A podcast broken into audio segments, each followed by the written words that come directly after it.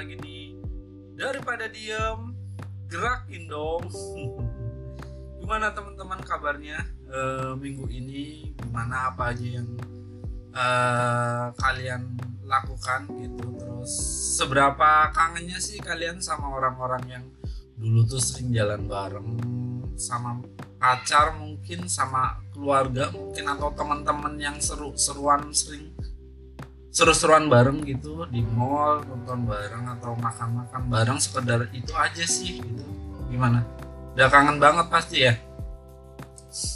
Iya di sama. Terus uh, apakah kalian udah punya hobi baru gitu? Yang kayak uh, ya pokoknya dulu tuh pernah ngelakuin cuman nggak nggak pernah sempet di eks explore lagi gitu terus kayak ya udahlah gitu. Terus pas pandemi ini tuh terus kalian jadi oh dulu kayaknya gue bisa gini dulu tuh kayaknya gue bisa ngelukis gitu.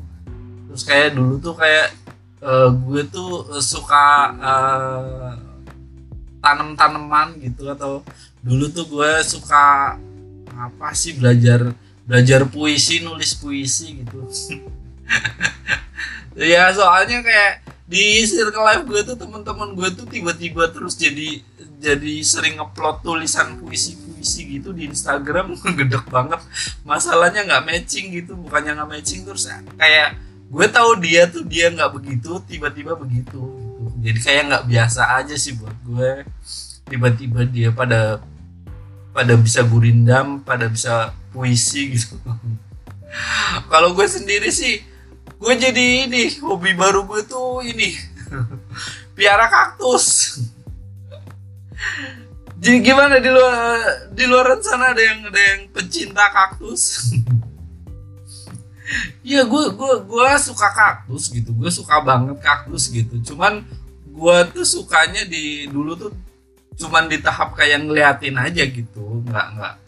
Kayak uh, sempet ke pariwisata beberapa kali gitu terus kayak lihat kaktus terus kayak senang aja. Cuman kayak nggak sampai kayak untuk beli gitu terus kayak lihat di apa di Instagram atau di uh, YouTube gitu. Kalau di Instagram tuh gue uh, follow beberapa yang garden garden gitulah kayak kayak orang bercocok tanam gitu kayak kayak Instagram yang lebih fokus ke berkebun gitu loh uh, apa kayak luar negeri. Terus kalau kaktus gitu kaktus kaktus gitu tuh update tuh gue gue ngikutin gitu. Gue senang senang aja sih ngeliatnya gitu. Karena apa ya kaktus itu bentuknya tuh apa ya pokoknya macamnya banyak terus jenisnya banyak terus kayak ribuan kali ya ratusan sampai ribuan gitu. Gue senang aja ngeliat uh, oh ternyata ada ya pohon yang kayak gitu modelannya gitu. Oh ternyata ada kaktus yang modelan kayak gitu, gitu. dan gue punya lumayan banyak kaktus akhirnya di rumah gitu. Gue lagi senang banget kaktus cowboy gitu. Kayaknya seru aja sih gitu kayak kayak nggak tahu simple gitu terus minimalis gitu. Jadi kalau sabtu minggu gue masukin beberapa beberapa kaktus terus uh, kalau udah sabtu minggu minggu sore gue keluarin gitu buat ya gitulah. Jadi sering beli kaktus walaupun gue diomelin sama bini gue halo ya eh, nggak sabar lagi ya. Jadi kali ini gue langsung aja episode daripada diem podcast kali ini gue akan menceritakan sebuah brand yang yang yang yang, yang lumayan besar terus ya familiar sekali di Indonesia bahkan di seluruh dunia ya gitu. Kalau kalian anak manajemen pasti apa ya kalau kalian ambil manajemen pasti ada salah satu dosen kalian atau mata kuliah uh, dari mata kuliah tersebut dosennya menceritakan kisah orang ini gitu Mr. Sanders Sanders KFC sejarah KFC tau Gak tau gue sih.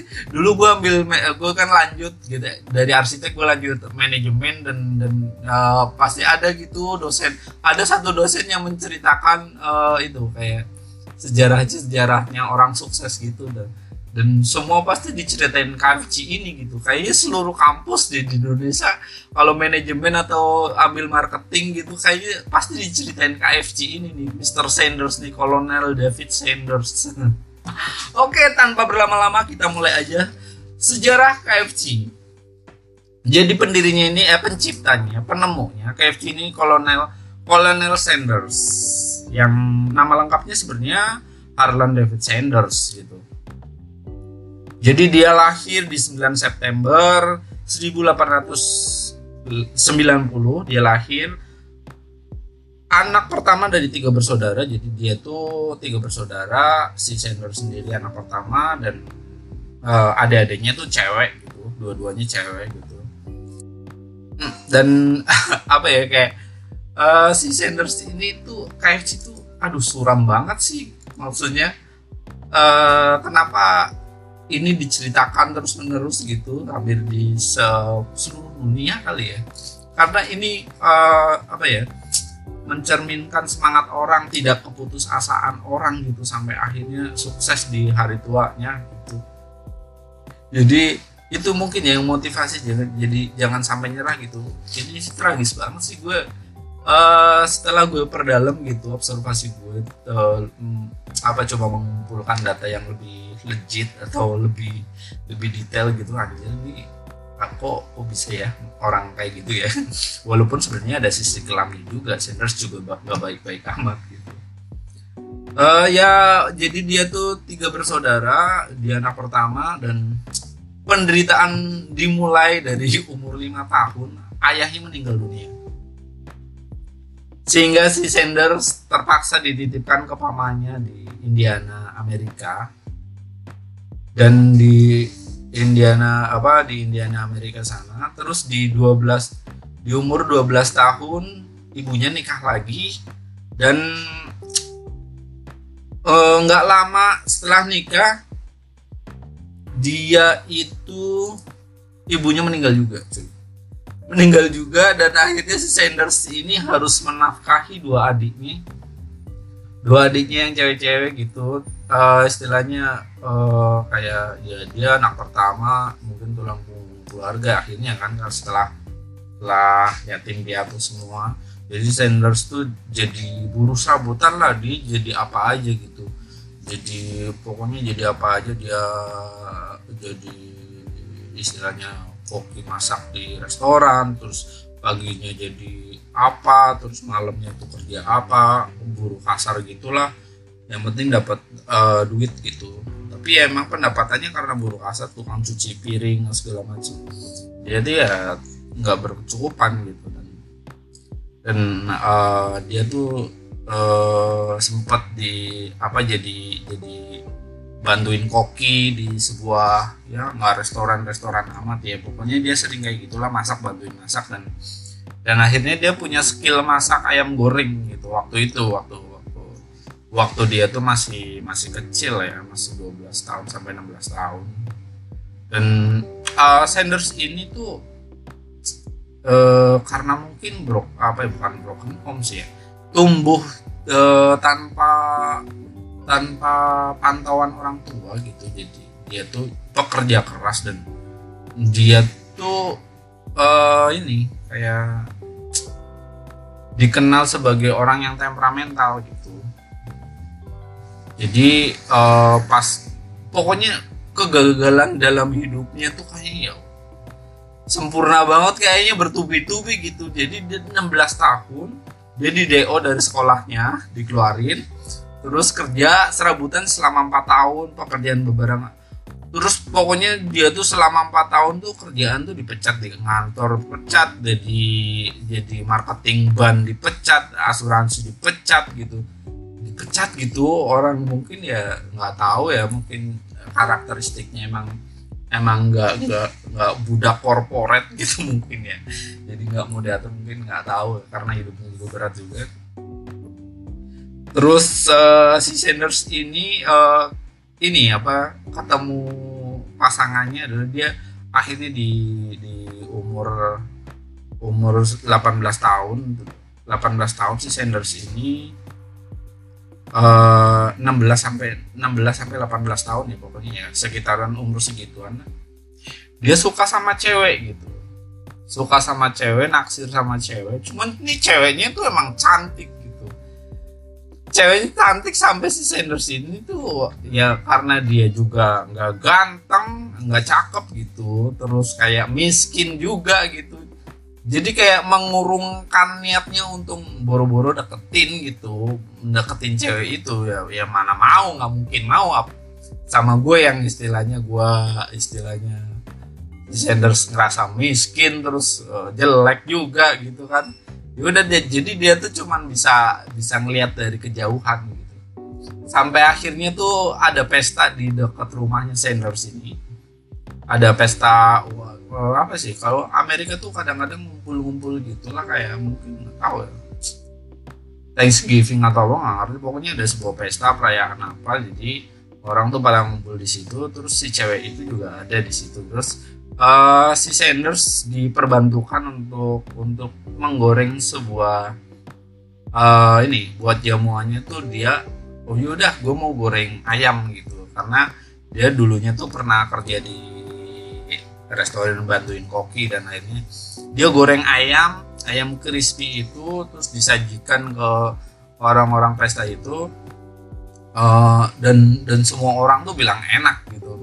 Wah ini ayam enak banget gitu. Terus sampai uh, sampai si cewek itu tiba-tiba nyamperin si Sanders gitu. Kalau bilang kalau wah ayamnya ini enak banget gitu. Terus kayak akhirnya mereka ngobrol lah gitu. Terus Sanders juga nggak nyangka gara-gara ayam kok si cewek itu dengan ya cantik mungkin kastanya di atas Sanders jauh akhirnya mau ngobrol sama sama si Sanders dan akhirnya mereka mulai jatuh cinta lah gitu mas. Jatuh cinta terus dia itu pada umur 18 tahun dia menikah memutuskan menikah menikahi cewek itu lumayan muda pada zaman itu mungkin ya wajar kali ya karena karena kan ini zaman uh, uh, ini berarti tahun 90 1890 dia lahir umur berapa? 18 tahun itu ya. Masih tahun-tahun segitulah masih jadi nikah muda tuh wajar.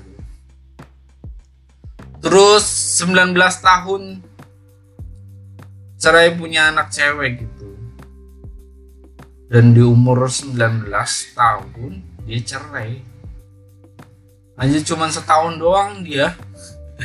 Karena si Sandersnya kan kesusahan gitu karena dia itu juga kerjanya serabutan gitu. Uh, uh, apa kayak uh, pen, pendapatannya nggak jelas gitu karena dia juga kan nggak sekolah gitu. Lama uh, kayak ya, kerja sabutan akhirnya si ceweknya ya butuh butuh ekonomi yang lebih baik lah intinya gitu. Tiba-tiba ninggalin si Sanders gitu aja. Udah punya anak satu padahal cewek. Tapi tinggalin tapi ya udah gitu. Terus si Sanders coba mau memperbaiki diri dia mencoba ngelamar kerjaan di mana-mana ditolak. Terus ngamar universitas untuk uh, studinya lanjut studinya juga nggak ada yang mau terima gitu kan. Pokoknya kacau lah gitu. Terus kayak kerja sabut serabutan ya cuci piring di restoran kerja gitu. Jadi konektor bis juga pernah gitu. Terus dia akhirnya uh, ini uh, wajib militer juga waktu itu ya wajib militer uh, dikirim ke Kuba gitulah. Dikirim ke Kuba wajib militer kirim ke Kuba. Terus setelah setelah itu sampai 65 tahun pensiun. Pensiun dia umur 65 tahun tuh dia dapat dana pensiun. Dan totalnya cuman kaget gitu pas saya menerima dana pensiun itu cuman 105 dolar dana pensiunnya gitu. Sampai itu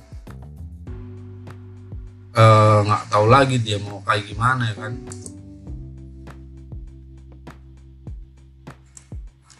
Dan 105 dolar itu kalau dirupiahin oh sekarang 15 ribu aja satu juta lima ratusan sekitar segitu ya. Stres lah dia kan dari dia kayak ngeruntut. Istilahnya anjir hidup gue tuh berantakan banget dari dulu tuh gagal-gagal terus terus gue 20 umur 65 tahun pensiun kirain udah bisa ngapa-ngapain gitu bisa beli apa gitu. Ternyata cuman dapat dana pensiun eh, istilahnya 105 dolar doang.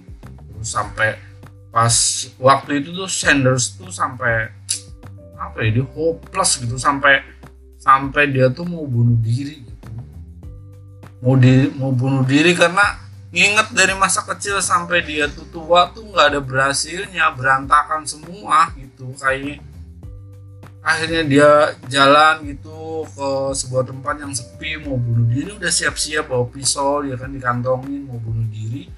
Pas udah ketemu tempat yang pas gitu pas mau ambil pisau di sakunya tuh pisaunya tiba-tiba nggak ada nggak ada hilang gitu.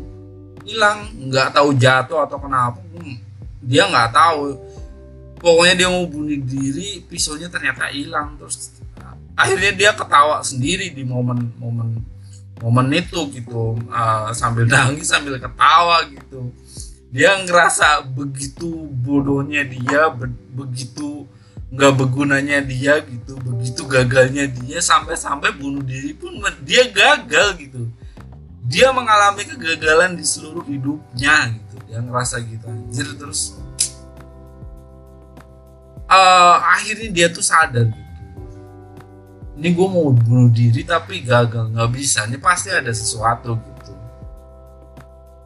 Terus dia keinget gitu pas waktu kecil pas waktu remaja gitu pas waktu dia istilah remaja umur 15 sampai 18 tahunan dia tuh bisa masak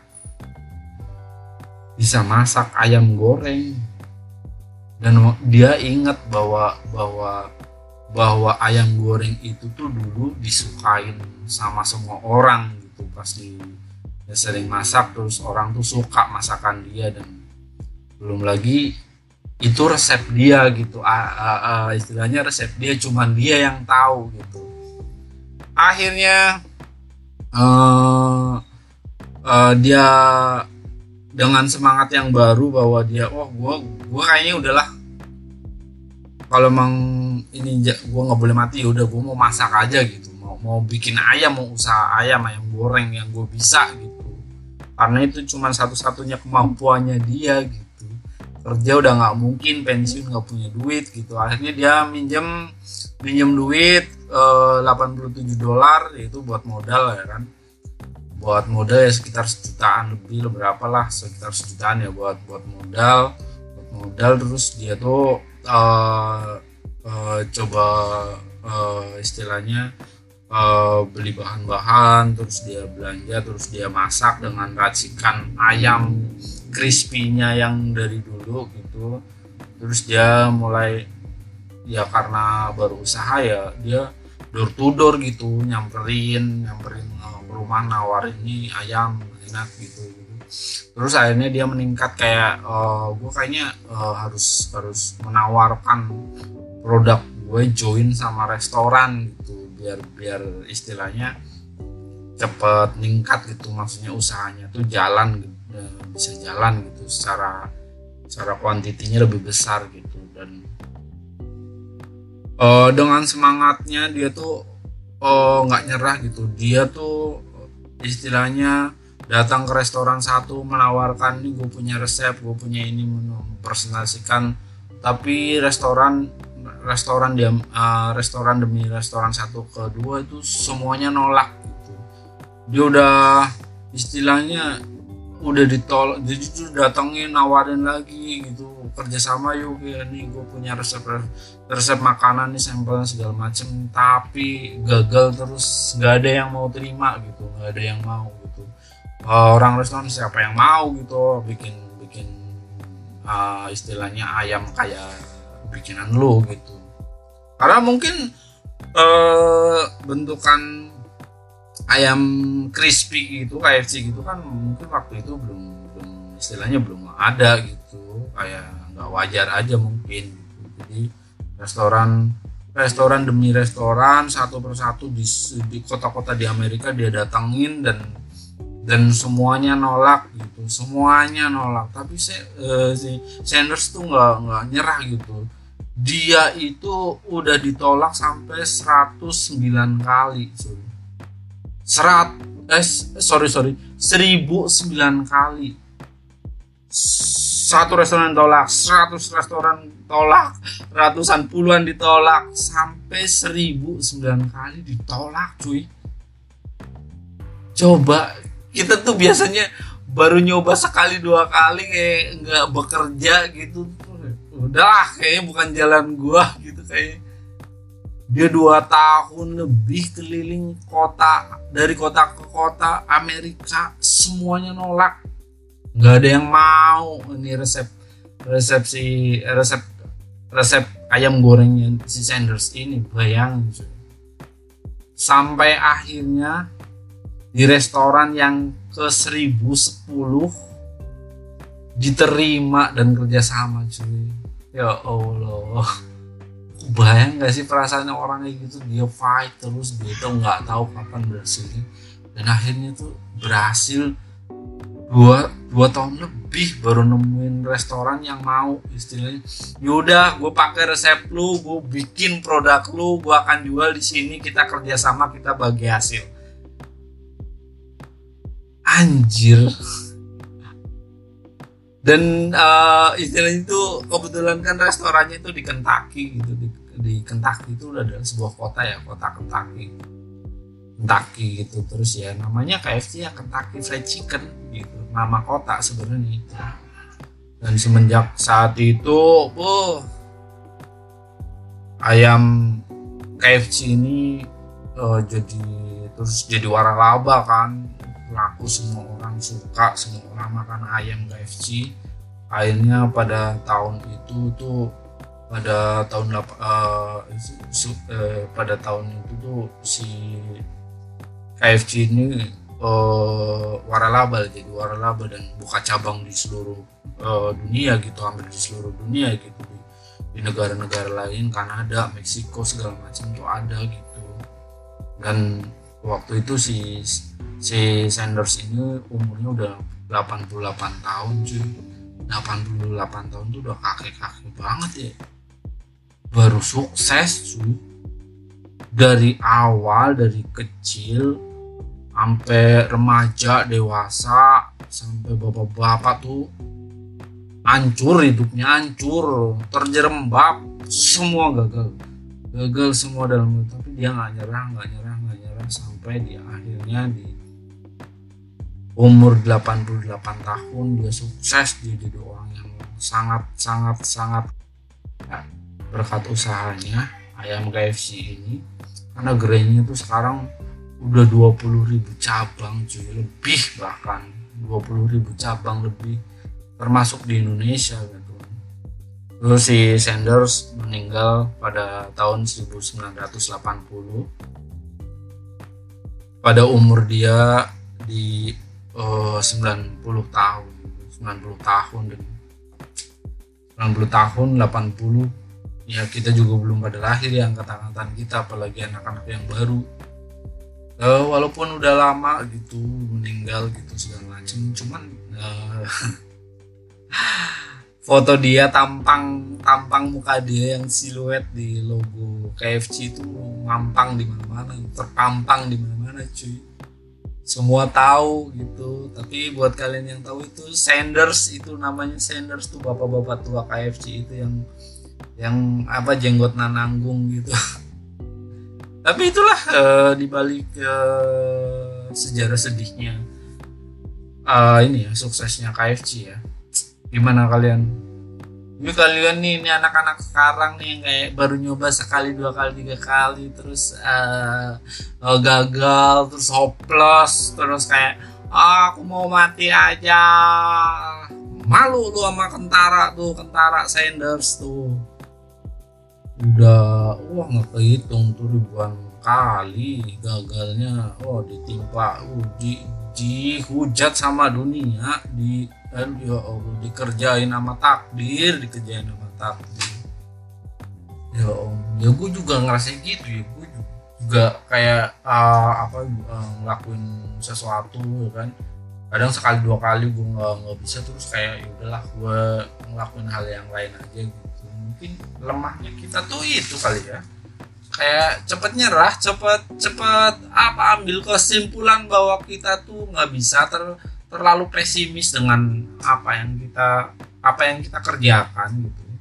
Bukan kadang-kadang logika juga sih yang ngegerus waktu gitu ngegerus waktu gitu. Karena cerita tuh nggak nggak selamanya happy ending gitu. Jadi kayak kita tuh takut jadi uh, fear fear itu tuh selalu ada. Makanya kita tuh selalu ada istilahnya apa sih yang aman gitu yang yang hasil cepatnya kelihatan. Semua sekarang tuh ah, ya zaman sekarang tuh orang siapa sih? Semua pengennya instan nggak mau yang yang lama-lama. Pengennya instan nggak ada yang mau gitu kerja keras lama-lama yang yang progresnya dikit-dikit dikit-dikit.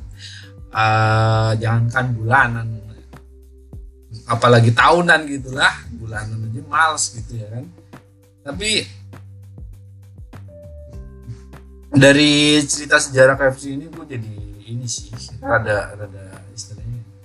Gue dulu udah udah sering eh, udah, udah pernah bukan sering. Waktu zaman zaman gue itu tahu cerita ini gitu. Cuman secara gue uh, setelah gue kulik lagi kulik lagi gue no gue notisnya tuh dari dulu oh dia itu orang yang sukses pada masa tuanya gitu yang poinnya istilahnya kita nggak bisa tahu gitu nasib orang tuh nggak ada yang tahu gitu.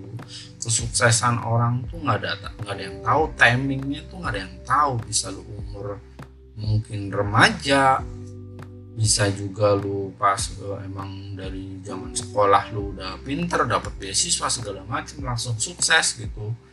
Ada juga yang pas udah nikah karena kadang-kadang oh nikah tuh bawa rezeki gitu. Terus ya nah ini sebenarnya lu panik ngempanin bini jadi akhirnya lu mau nggak mau kerja keras dan akhirnya ya berkecukupan gitu. Ada ada juga yang pas lu yang muda sukses muda ya gitulah gitu.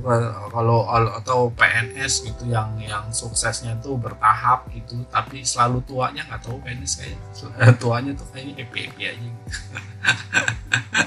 tapi dari cerita Sanders ini sih mudah-mudahan kalian ada ya apa ya ada, ada, ada sudut pandang kalian terbuka gitu bahwa bahwa sukses itu bisa datang kapan aja gitu. Tuhan yang ya, Tuhan yang tahu sih porsinya kapan kalian harus berisi intinya mungkin gitu ya.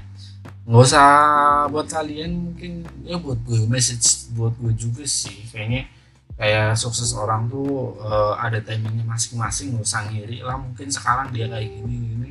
Oh ya, ya emang emang emang jalannya dia gitu. Kalau kita tuh sering gagal sering gagal sering gagal selagi kita nggak nyerah uh, mungkin ya uh, apa? Uh, nanti kesuksesan akan datang pada kita ya kan. cuman gue sih nggak tahu ya gue gue gue uh, apa ya gue gue tuh bukan orang yang terlalu ambisius gitu terus kayak uh, apa ya kayak gue tuh memperbolehkan diri gue tuh untuk nyerah ngerti gak sih mungkin mungkin mungkin rada aneh ambil gue atau atau oh lu nyerah sih gitu. Iya. Sebenarnya semua orang kayaknya pernah nyerah deh. Cuman kalian munafik aja nggak mau ngakuin aja gitu. Kayak kayak kayak. Gue sih kalau misalkan uh, apa ngelakuin sesuatu atau belajar sesuatu kalau uh, gue tahu nih kayaknya gue nggak bisa bisa sampai jadi pro gitu atau nggak bisa sampai jadi bisa banget jago banget gitu ya udah gue nyerah aja capek gitu. Ya udah nyerah terus gue mulai lagi dari nol gitu apa gitu dari mulai.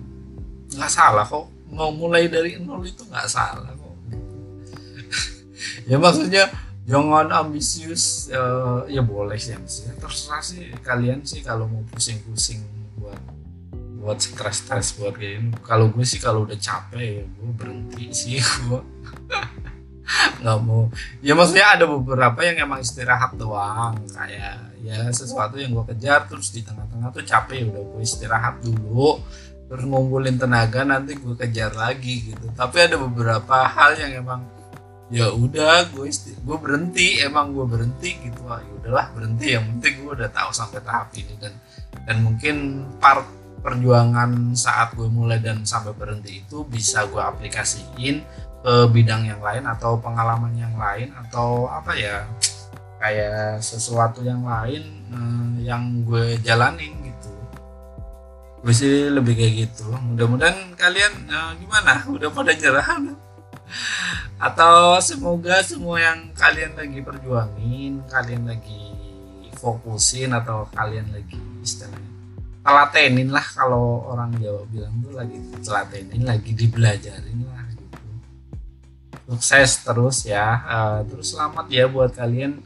Angkatan sekarang yang baru lulus ujian online selamat. Kalian generasi unik kalian generasi ya spesial bisa dibilang. Ujiannya online nggak ada uas segala macam. Tapi ya di bawah pandemi gini ya baru-baru bikin pelajaran. Dulu ya pokoknya itu aja daripada diam episode kali ini uh, semoga kalian diberkati dan bahagia selalu Hmm, salam dari gue Sabit. Uh, kalau mau request boleh sejarahnya brand atau apa segala macam boleh DM atau atau ya email boleh diterapi di podcast uh, daripada diem ini. Coba uh, kirim usul kalian tuh apa gitu. Ya mungkin itu aja daripada diam podcast pada episode kali ini. Daripada diam, ger. Bye bye.